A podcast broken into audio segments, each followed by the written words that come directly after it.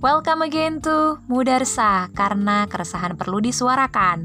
Untuk episode kali ini Gak ada tamu karena aku mau bercerita Gimana sih awal mulanya podcast Muda Resah ini ada.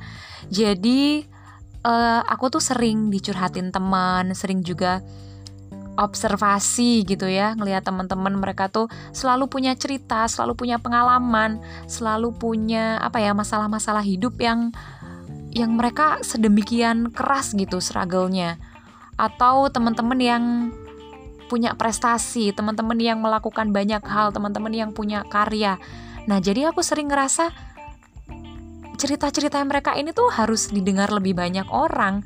Perjalanan hidup mereka ini harus uh, diketahui lebih banyak orang supaya ada pelajaran yang bisa diambil. Nah, selain dari teman-teman itu, aku sendiri pun juga sering ngerasa apa ya kayak punya greget gitu, punya kritikan, punya sesuatu hal yang aku pengen sampein tentang isu, topik, fenomena sekitar yang kadang aku bingung gitu ceritanya ke siapa atau uh, siapa orang yang bisa nimpali cerita dan ideku gitu. Nah, akhirnya dari situ kepikiran gimana kalau ada ruang atau forum yang bisa mengakomodir cerita-cerita anak-anak muda ini, cerita-cerita orang yang aku kenal, gimana mereka melewati quarter life crisis, gimana perjalanan mereka sampai bisa bikin sesuatu hal, gimana sampai mereka bikin suatu pergerakan, suatu karya yang bisa berdampak sama orang-orang sekitarnya. Nah, akhirnya kepikirannya untuk di podcast. Kenapa di podcast? Karena podcast ini kan base-nya itu audio ya. Banyak orang yang mungkin uh, mereka nggak ngerasa bagus untuk skill menulis atau kalau misalkan video eh, nggak uh, berani juga karena langsung terekspos secara jelas. Akhirnya aku pikir media suara atau audio ini bisa jadi jalan tengah.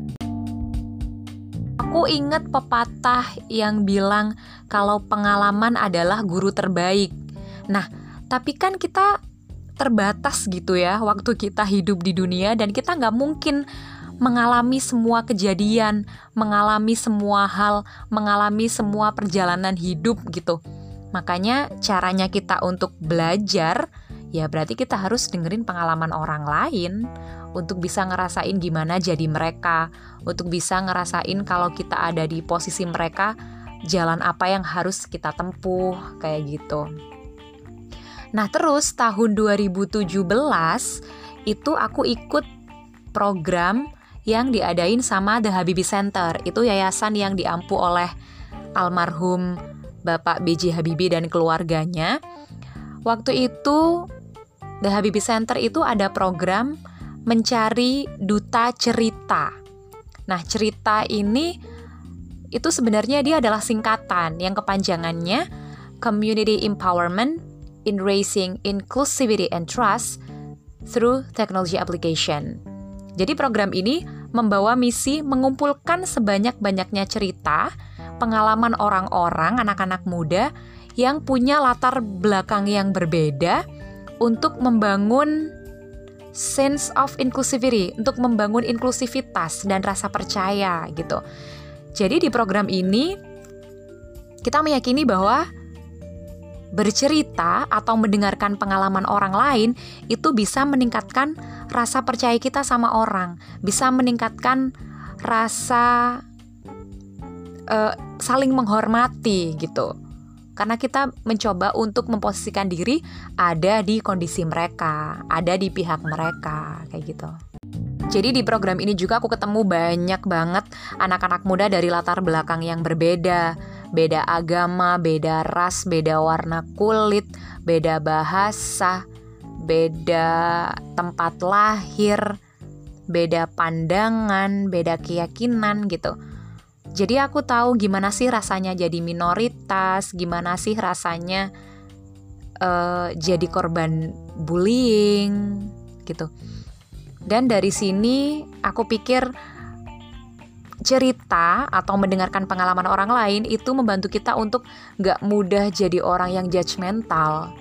Karena gak tahu ya, sering kali ada rasisme, diskriminasi. Kalau menurut aku itu terjadi sama orang-orang yang sebagian besar waktunya itu ada di lingkungan yang homogen. Ya nggak sih? Kalian berpikir hal yang sama nggak sih? Jadi kalau orang cuman di situ-situ aja gitu, nggak ke mana-mana, nggak ketemu orang dengan latar belakang yang beda, dia ada di satu lingkungan yang yang homogen, yang sebagian besar identitasnya sama kayak dia. Jadi ketika ada sesuatu yang beda, ketemu orang yang beda, ketemu pandangan yang beda, itu kayak jadi langsung counter gitu. Jadi langsung akan otomatis serang. Itulah kemudian muncul rasisme dan diskriminasi karena mereka belum terbuka bahwa sebenarnya banyak banget hal yang beda dari mereka sendiri di luar sana. Dan mendengarkan pengalaman orang lain juga bisa menghindarkan kita dari fenomena benci orang karena cerita orang lain yang benci sama dia. Pernah gak sih kayak gitu? Aku dulu pernah karena temenku cerita keburukan orang, jadi dia tuh benci banget sama seseorang. Akhirnya aku ikutan benci sama dia. Padahal kan harusnya nggak kayak gitu ya. Bisa aja kan karena pandangan beda atau kesalahpahaman gitu. Dan itu nggak nggak bagus kalau kita benci orang hanya karena cerita orang lain.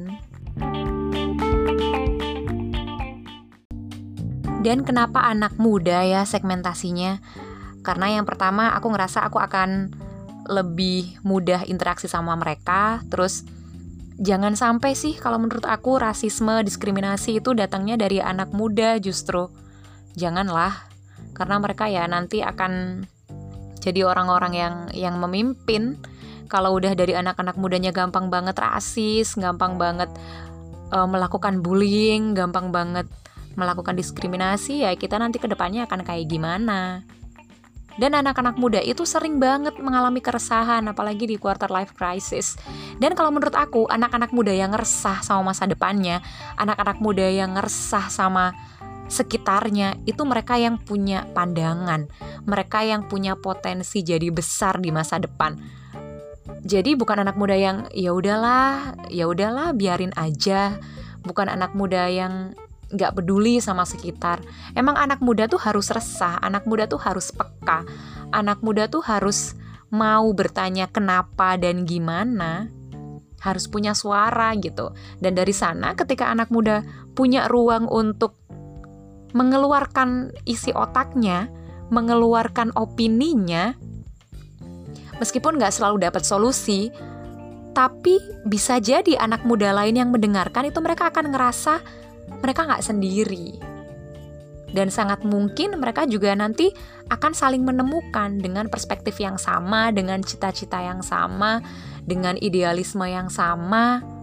Dan aku percaya banget sih, kayak semesta itu akan mempertemukan kita dengan orang-orang yang sefrekuensi sama kita. Makanya anak muda harus bersuara. Dan anak muda lain itu perlu tahu suara kita kayak gimana. Gitu. Supaya bisa saling menyikapi. Minimal aja sebaya kita tuh udah udah bisa saling respect, udah bisa saling menghargai satu sama lain. Itu tadi sih. Gak gampang judgmental ketika ngelihat anak muda lain melakukan satu hal ketika melihat anak muda lain melakukan uh, apa ya sesuatu yang viral gitu mungkin jadi kita nggak gampang menghujat gitu jadi itu sih sekilas awal mulanya kenapa podcast muda resah ini ada untuk mengakomodir keresahanku sendiri dan mungkin keresahan teman-teman mudaku yang mereka pengen cerita tapi nggak tahu ke mana mereka pengen didengarkan tapi nggak tahu di mana. Semoga mudah resah bisa jadi ruang nyaman dan aman untuk kalian-kalian yang ingin menyuarakan. Terima kasih untuk kalian semua yang sudah mendengarkan sampai akhir. Semoga kita selalu bisa menemukan lingkaran-lingkaran yang suportif dan membantu kita untuk selalu produktif. Sekian, Sampai jumpa lagi di Budarsah karena keresahan perlu disuarakan.